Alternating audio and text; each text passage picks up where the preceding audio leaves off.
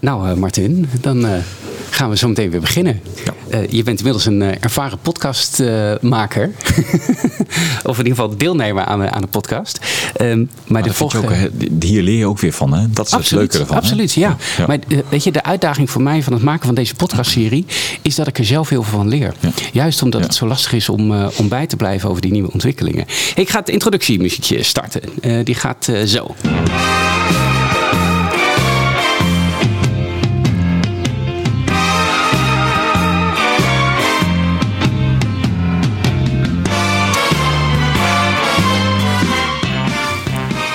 Goeiedag, beste podcastluisteraars. Hartelijk welkom bij weer een nieuwe editie van DocTalk. DocTalk is de podcastserie die ik maak voor havask.nl. En havask.nl is de website die alle nieuwe kennis en ontwikkelingen op het gebied van cardiovasculaire zorg en diabetes probeert te bundelen en inzichtelijk te maken voor de eerste lijn. Voor huisartsen, praktijkondersteuners en verpleegkundige specialisten.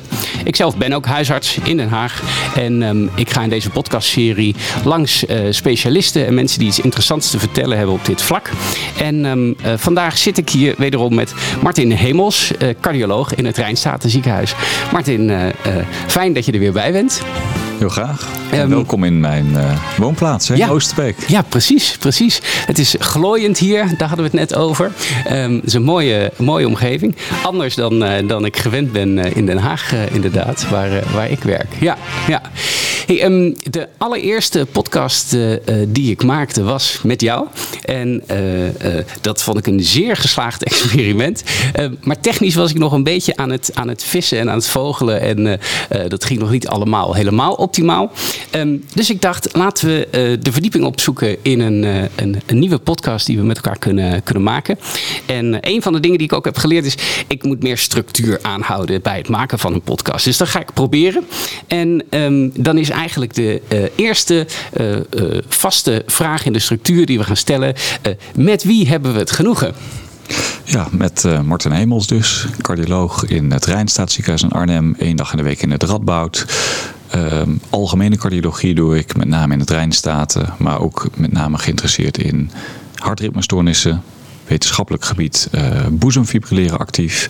En op vrijdag in het Radboud doe ik uh, met name katheterablaties, dus behandelingen invasief uh, bij patiënten met hartritmestoornissen. Ja, ja, dus in die zin uh, heb je zo je eigen aandachtsgebieden en verschillende plekken waar je dingen kan doen die jouw interesse hebben. Ja, zeker. Ja. ja. En uh, hoe lang ben je al cardioloog? Uh, vanaf 2011. En vanaf 2012 werkzaam hier in uh, Rijnstaat in Arnhem. Ja, ja. ja interessant. Hey, en um, uh, hoe was jouw week? Hoe is een week van, uh, van Martin Hemels? Ja, goed gevuld om mm -hmm. maar zo te zeggen. Uh, ik werk dus vier dagen in Arnhem, waarvan één dag ook uh, op het gebied van wetenschappelijk onderzoek heb. Een consortium in Nederland uh, waar we met het Dutch F onderzoek mee bezig zijn. Dus mensen met nieuw boezemfibrilleren in kaart brengen en volgen op het gebied van antistollingstherapie, maar ook risicofactoren.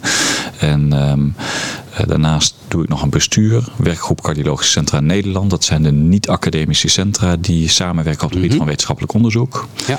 En ja, ik, ik sluit de week dan af uh, met uh, mijn radbouwdag en uh, zoals vandaag, toevallig zondagochtend, treed ik op als uh, onderwijzer voor huisartsen. Ja, ja, dus je doet veel, veel verschillende dingen. Ja. ja, ja. En als je kijkt bijvoorbeeld naar, naar de afgelopen week, kan je, kan je een voorbeeld geven van dingen, dingen die jij doet of behandelingen die je doet waarvan je denkt, hé, hey, dat is interessant om, om nu iets over te vertellen? Ja, nou belangrijkste, eigenlijk opvallendste bevinding van deze week was eigenlijk de vrijdagochtend in het Radboud.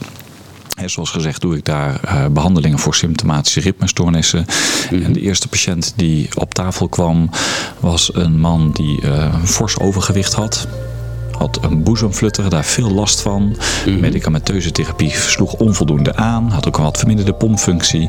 En vandaar uh, dat hij voor een flutterablatie kwam. Hè. Dus ja. de rechterboezemflutter kun je door een interventie onder in de rechterboezem dat over het algemeen goed oplossen. Ja. Alleen het punt was, ja, die meneer die kon niet goed plat liggen, ook omdat hij heupproblemen had. En uh, nou, uiteindelijk hebben we gezegd, is dit wel verstandig? Hij was ook in een traject voor bariatrische chirurgie. Mm -hmm. En we mm -hmm. hebben gezegd, laat dat nou eerst voorrang hebben. Eh, ja. Want het behandelen van die flutter het zou mij niet verbazen over, als hij over een jaar, twee jaar boezemfibrilleren heeft. Ja. En zijn onderliggend probleem is gewoon dat overgewicht. En daar deed Ja. hij ontzettend zijn best voor om dat te reduceren. Ja. Maar dat lukte onvoldoende. Ja, en dan zeg ik, als je kijkt naar de risico's die hem eh, nog steeds bedreigen de komende jaren. Dat gewicht moet omlaag. Ja, dus van, van, eh, hij was eh, eh, eigenlijk naar jou gestuurd voor een behandeling van zijn flutter. En, want dan stel ik me voor ehm, dat je, want het is natuurlijk een probleem van de geleiding van het hart. Dus je, dus je probeert die geleiding te veranderen door daar iets, iets van de geleiding weg te branden, toch? Dat, Zodat het anders. ehm, Ja. Ja. Ja, door die boezemflutter, is eigenlijk een groot macro-re-entry circuit, zeg maar een cirkelstroom die rondgaat in de rechterboezem over bestaande anatomische structuren. Ja.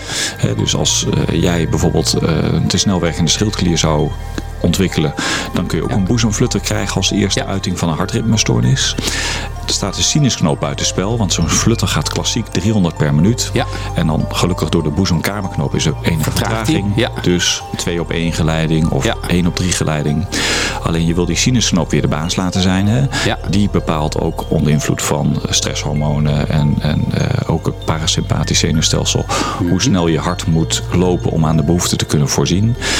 Dus ja, die moet weer de baas zijn. Dus Ja. wat we dan doen is met katheters via de ader in de lies. Onderste holle kom je in de rechterboezem. Ja. En dat noemen we de isthmus. Het overgangsgebied van de tricuspidale annulus naar de vena cava inferior. Ja. Als je in dat gebied een lijntje brandt, dat betekent Ja. cellen opwarmt tot 60 graden, Ja. punt voor punt. Ja, dan kun je daar dan littekenvorming stop je daar de geleiding. Stop je de flutter, Ja. is de sinusknop weer de baas. Ja, ja. maar ehm, je, hebt ervoor besloten, je hebt besloten om dat bij deze man niet te doen. Omdat de behandeling van zijn flutter eigenlijk zijn cardiovasculaire risico... en dus zijn kans op boezemfibrilleren en dergelijke niet vermindert. Nee.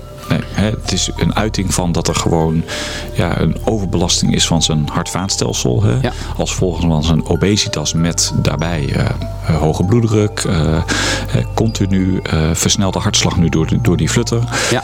En ja, eigenlijk moet je dat onderliggende lijden goed aanpakken Ja, voor een structurele oplossing. Ja. En heel eerlijk gezegd, ik ben niet bang aangelegd, maar ook moet je beseffen als je een complicatie hebt, hè, wat heel incidenteel gebeurt, dat je bijvoorbeeld een perforatie hebt, dus dat je door het boezemweefsel heen gaat en je Ja. krijgt bloed in het hartzakje. Ja. Dat moet dan acuut geëvacueerd. Een tamponade of iets dergelijks Ja, dan. exact. Ja, exact. En, en eh, dat is over het algemeen goed op te lossen door hè, eh, eh, een pericardpunctie te doen. Maar je kunt je voorstellen bij zo'n ja. overgewicht Ja. lukt dat ook niet algemeen, eh, in het algemeen gemakkelijk. Ja. Dus ook met die gedachte dacht ik van ja, ik kan deze patiënt misschien beter meer kwaad doen met deze behandeling dan dat ik hem ermee help. Ja, ja, ja. Beetje primum non? Eh, Ja. First do no harm. Ja, ja. Ehm, dus, eh, want als cardioloog, ja, je bent een interventiecardioloog dan. Eh het heet, dat officieel? Ja, het heet elektrofysioloog. Oké, ja, Eh, De interventiecardioloog die eh, dottert, zeg maar. Ja, ja, Dus, ja, eh. Oh ja, dat is weer van de interventiecardioloog mag ik niet zeggen dat ik een interventiecardioloog ben. Dat is voorbehouden aan mensen die s'nachts hun bed uitgaan om Ja, eh, ja, ja. levens te redden. ja, ja, ja. Eh, jij doet jouw interventie electief. Juist. Ja. Hey, maar als elektrofysioloog vind je het natuurlijk heerlijk om, om te handelen en om iets te doen aan die. Maar je koos er in dit geval voor om eh, niet te handelen. En dat een patiënt meer gebaat was bij het eh, eh, behandelen van zijn overgewicht dan bij het behandelen van de flutter. Ja. Ja. En ik denk dat het echt een nieuw inzicht is wat we ontwikkelen de afgelopen jaren. We moeten beter op die onderliggende risicofactoren. Ja. En de richtlijnen, het zijn uitstekende richtlijnen van de Europese eh, Cardiologievereniging. En dat is ook allemaal evidence-based. Ja. En het klopt ook dat door een ablatie heb je ook minder kans op recidief ritmestoornis in de eerste jaren daarna. Ja. Maar ja, de follow-up is vaak ook kort van die studies. Ja. En nu staat het te gemakkelijk, vind ik, in de richtlijnen.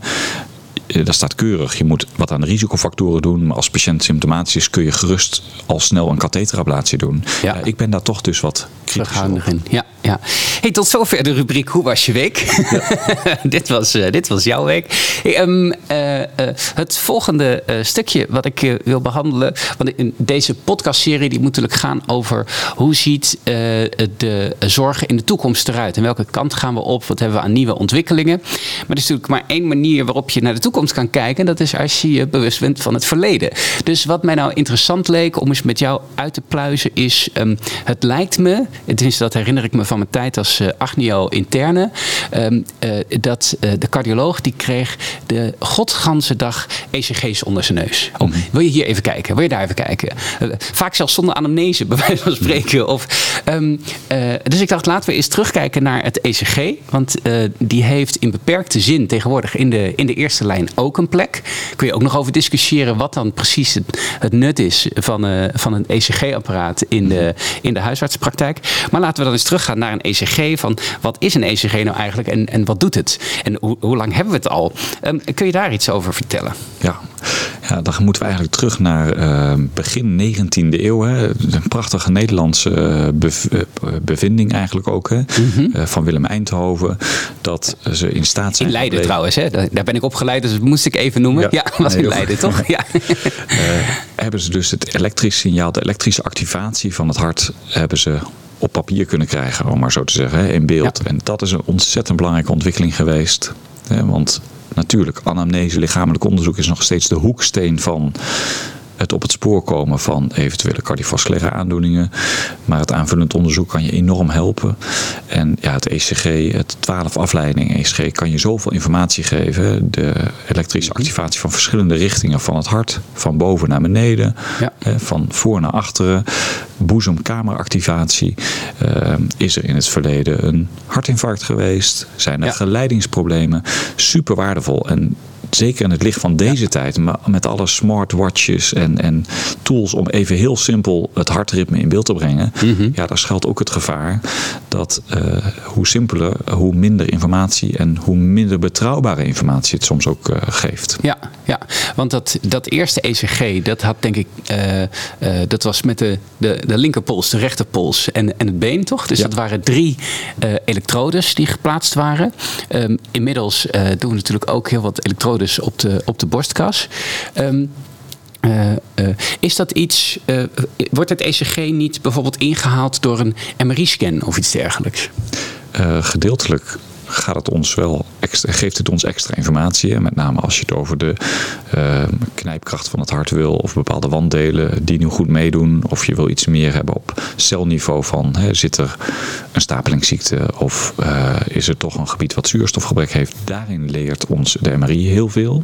Mm -hmm. Maar als je het echt hebt over ja, de elektrische activatie van het hart, ja. Ja, dan, dan is uh, en zeker iets wat toepasbaar is om de zorg kosteffectief te houden in de huisartspraktijk, ja. denk ik dat een aandacht voor een ECG in de huisartspraktijk heel waardevol uh, nog steeds is. Ja, ja. dus dat, dat ouderwetse onderzoek is nog steeds onontbeerlijk eigenlijk. Ja. Ja, ja. Hey, en als we het dan hebben over een. Uh, wat gelukkig hebben we tegenwoordig ECG-apparaten die zelf ook een interpretatie geven. Mm -hmm. um, dat doet altijd niks af. Ik, ik, probeer echt als ik een ECG draai, eerst niet naar de conclusie te kijken en zelf naar het ECG te kijken. Um, maar daarna kijk ik toch ook eventjes of het apparaat het met mij eens is. Ja. um, wat is de, de waarde van de interpretatie van het apparaat zelf? Ja, nou, die is over het algemeen algemeen behoorlijk goed. En dan kom je weer in uh, positief voorspellende waarden, negatief voorspellende waarden. En ja. klopt het wat het apparaat zegt? En dat is ook alweer interessant hè, met de artificial intelligence die we tegenwoordig mm -hmm. hebben. Hè. Omdat we steeds meer informatie verzamelen, kan voor computer ook steeds beter voorspellen of zeggen wat er daadwerkelijk speelt. Ja. Hè, maar uh, ja, het is belangrijk om de patiënt ernaast te zien. En dat kun je eigenlijk alleen als dokter.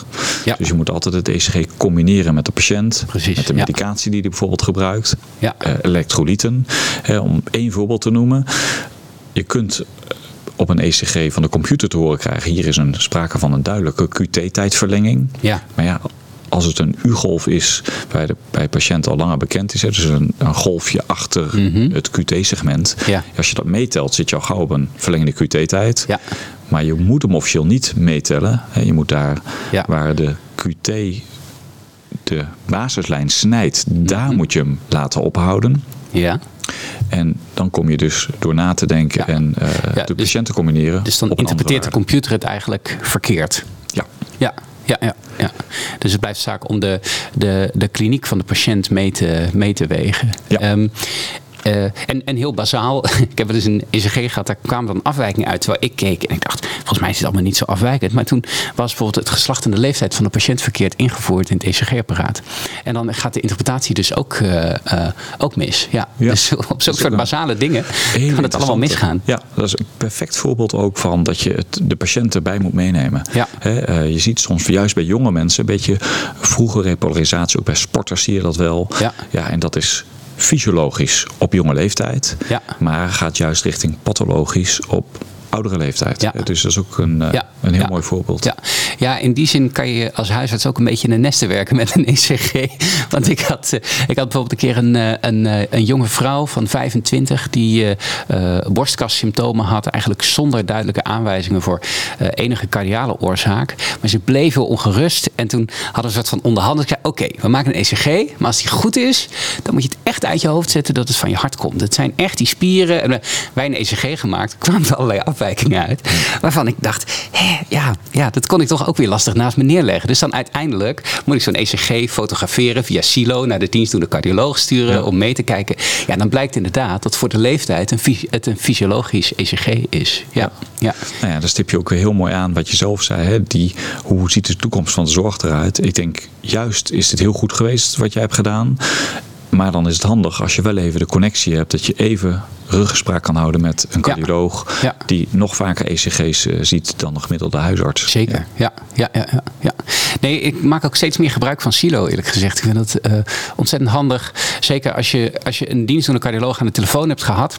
ehm, eh, dan kan je daarna gewoon afspreken. Ik stuur het meteen even naar je toe. En dan, en dan kan een bericht terugsturen. Het is goed of het is niet goed. Of, dus het is een efficiënte manier van, van communiceren, denk ik. Ja, Ja. ja.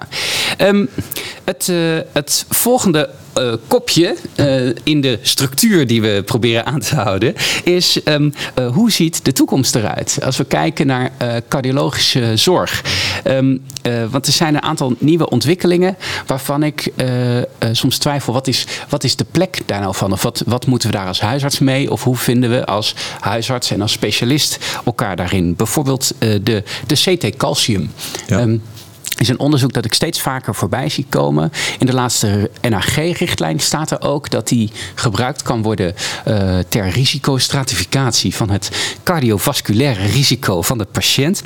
Klinkt heel chic als je dat zo, zo zegt. Ehm, eh, eh, maar eh, ik, ik weet eigenlijk niet eens helemaal zeker of ik gewoon alleen een CT calcium kan aanvragen of dat ik iemand dan moet verwijzen.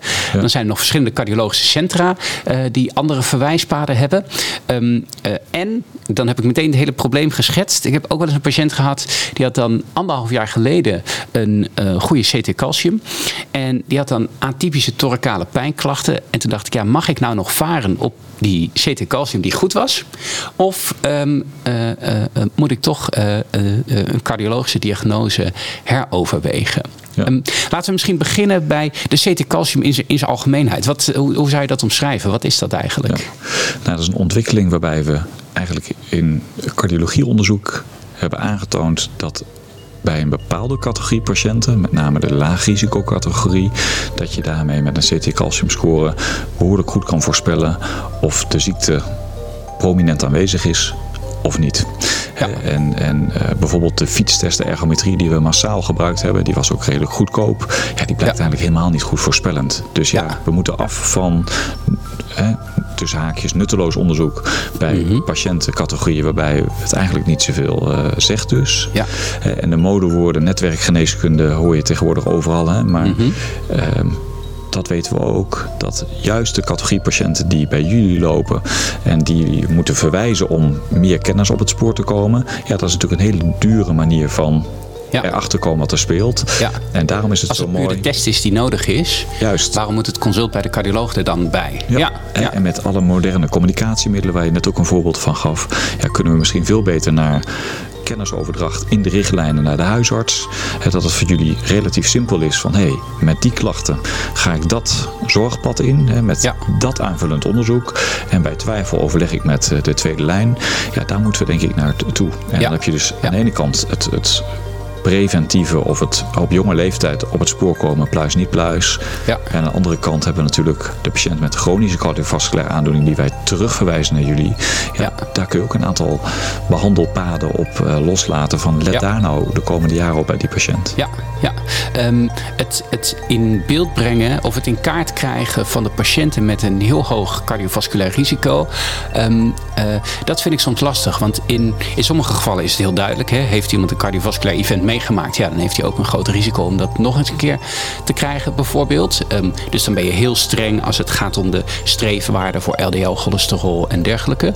Um, maar het is juist die tussengroep bij de patiënt waarbij je een beetje aanvoelt van ja, er speelt wat, er speelt wat een en ander in de familie. Um, uh, cholesterolwaardes zijn, zijn uh, echt wel wat verhoogd. Er is wat overgewicht. Misschien heeft de patiënt wat gerookt. Of, um, uh, maar hoe krijg ik nou duidelijk hoe agressief als het ware ik deze patiënt moet behandelen met statines of sterker dan dat? Um, uh, uh, waar, uh, waar is wat jou betreft de plek van een, een CT-calcium in, in die zin? die heeft een pijler in erachter komen wat je risico is. Maar ontzettend belangrijk is die patiënt zelf. Hè. Hoe gemotiveerd is die patiënt om wat aan zijn risicofactoren te doen? Ja. En wat je al zegt, de familieanamnese is belangrijk. Mm Als er toch wel veel uh, ja, familieproblematiek op een bepaald vlak ligt, bijvoorbeeld genetisch een neiging tot hoog cholesterol, ja. dan is het heel logisch om die pijler met name aan te pakken. Ja.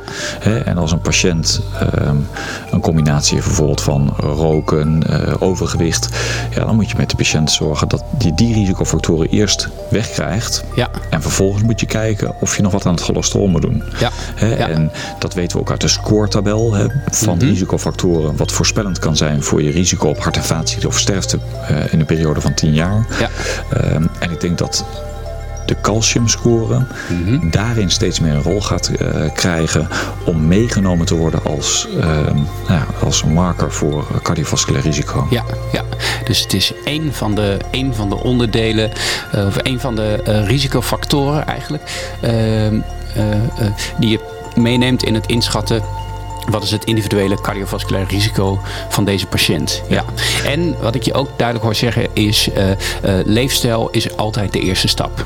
Absoluut. Ja. Ja. ja. En je hebt altijd zijpaden. Bijvoorbeeld, dat is ook uit uh, fysiologieonderzoek vanuit de Radboud Universiteit getoond. Dat bijvoorbeeld ex, of extreme, maar flinke duursporters. Mm die laten meer stabiel kalk in hun coronaire zien dan niet duursporters van dezelfde leeftijd. Ja. en dat zijn vaak stabiele plaks, om maar zo te zeggen. Ja. dus je moet je ook niet altijd in de duren laten leggen door een calcium. We moeten ons er niet op blind staren. Nee. En een ander aspect is, dat mogen we ook niet vergeten tegenwoordig, is de hele genderspecifieke discussie. Hè? Mm -hmm. uh, vroeger hadden we heel veel onderzoek bij mannen. Waarom? Omdat mannen vaak de klassieke risicofactoren hadden en vaak cardiovasculaire aandoeningen kregen. Ja. En nu zie je toch wel een verschuiving dat er ook steeds meer bekend wordt over vrouwen die zeker postmenopausaal ja. een ander profiel uh, hebben.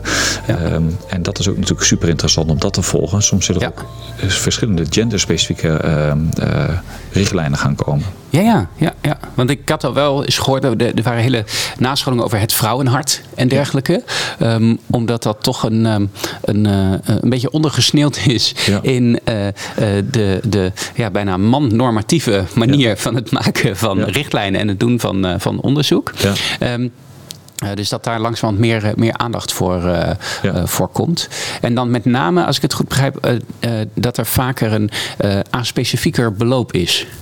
Ja, dat klopt. En dat zit er met name ook op uh, uh, het vaatmetabolisme, zeg maar, of de vaatfysiologie. Hè. Je ziet bij vrouwen toch ook vaak microvasculaire dysfunctie. Hè. Dat, dat is mm -hmm. iets wat we steeds vaker aantonen. dus ja, daar zitten echt duidelijke verschillen. Ja, ja. en je zegt microvasculaire dysfunctie. Dat, uh, uh, die ben ik bij Lingo nog niet tegengekomen. wat, wat, moet ik me daarbij voorstellen? Nou, dat zijn uh, vrouwen die zich klachten, met klachten van pijn op de borst presenteren. Of soms ook wat A-specifieke presentatie. En die gaan dan een zorgpad in. Mm -hmm. Wat we aan kennis hebben opgedaan bij mannen Ja. eh, pijn op de borst, om maar zo te zeggen, in het verleden. Ja. En dat betekent dat je de coronaire in beeld brengt, maar die zien er dan vaak normaal uit. En vroeger zeiden dan, joh, het is niks is aan de hand, het is Ja. goed. Maar hè, onder andere professor Maas hè, van het Mhm. Radboud eh, ziekenhuis hier, ja, die is daar echt verder in gegaan. En met collega's, ook interventiecardiologen in Nederland, hebben ze aangetoond dat het ook in de vaatfunctie van de kleine vaatjes Juist. mis kan gaan. Ja. Wat dus echt klassieke symptomen soms kan geven van myocardinfarct. Ja.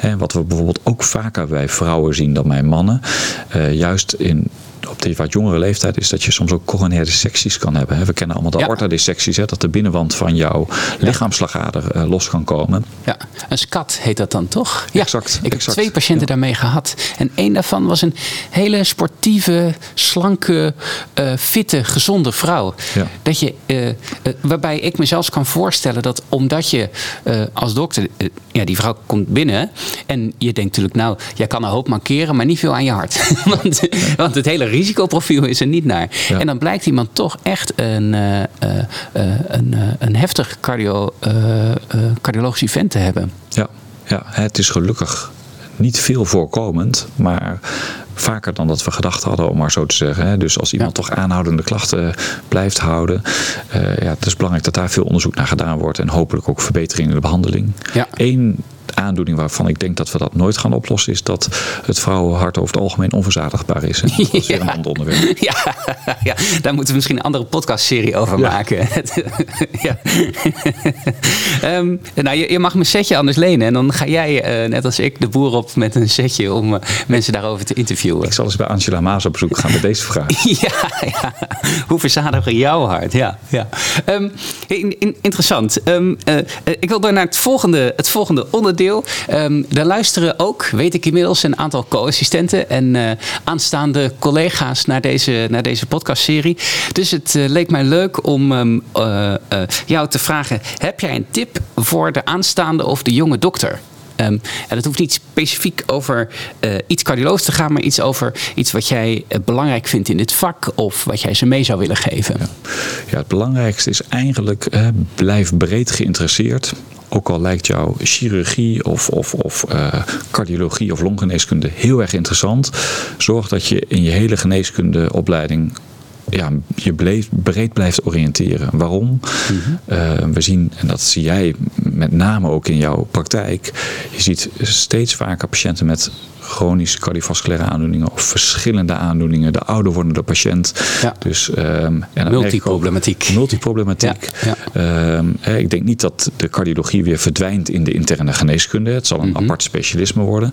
Maar wat we de afgelopen twintig jaar hebben gezien, dat ook een cardioloog, dat er weer vijf sub- subspecialismen zijn, of bij de Ja. interne wel, wel tien. Ja, Je merkt gewoon, we moeten terug. En, en eh, dit heb ik ook een klein beetje van Marcel Levy, moet ik eerlijk zeggen. Mhm, Die heeft het laatst ook in een column beschreven. Dat hij in Engeland er ook tegenaan liep. Dat eh, internisten onderling een patiënt naar elkaar verwees. Van ja, nee, maar ik heb alleen maar verstand Ja. van chronische nierinsufficiëntie. Je moet even bij de internist-reumatoloog zijn met die Ja. vraag. Ja, weet je, zo kunnen we de zorg niet gaan doen in de toekomst. Dat Nee. is onhoudbaar. Dus probeer je breed eh, Ja. te laten opleiden. Ja. En ja, de communicatie onderling gelukkig maakt het mogelijk dat we eh, ook onderling nauw contact hebben met ja, elkaar. ja.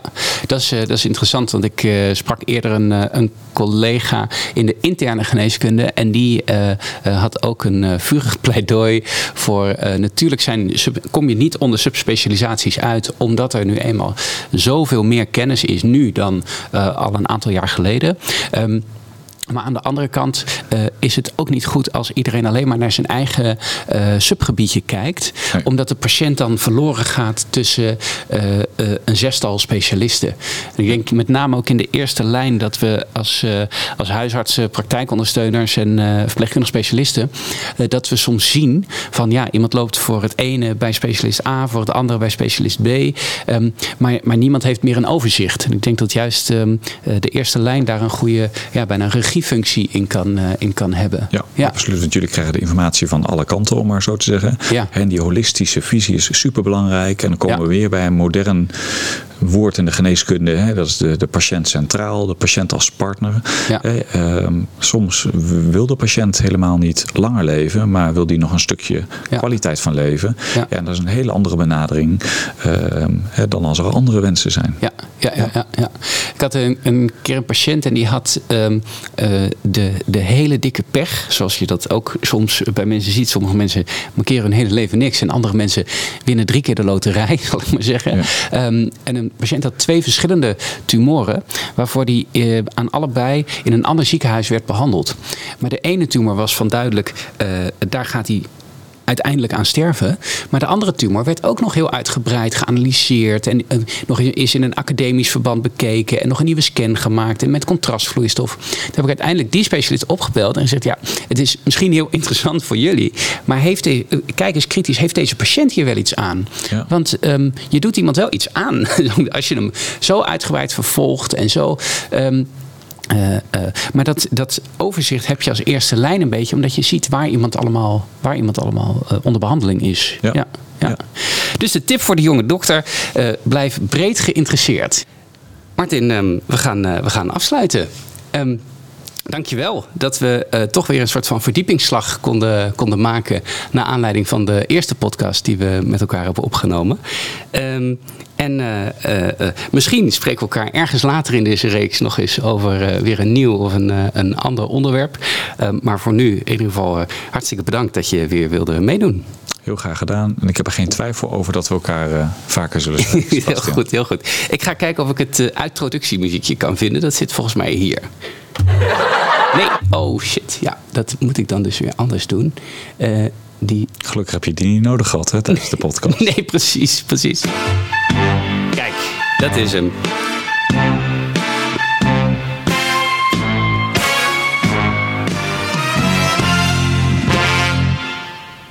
Die uh, staat er in ieder geval weer op.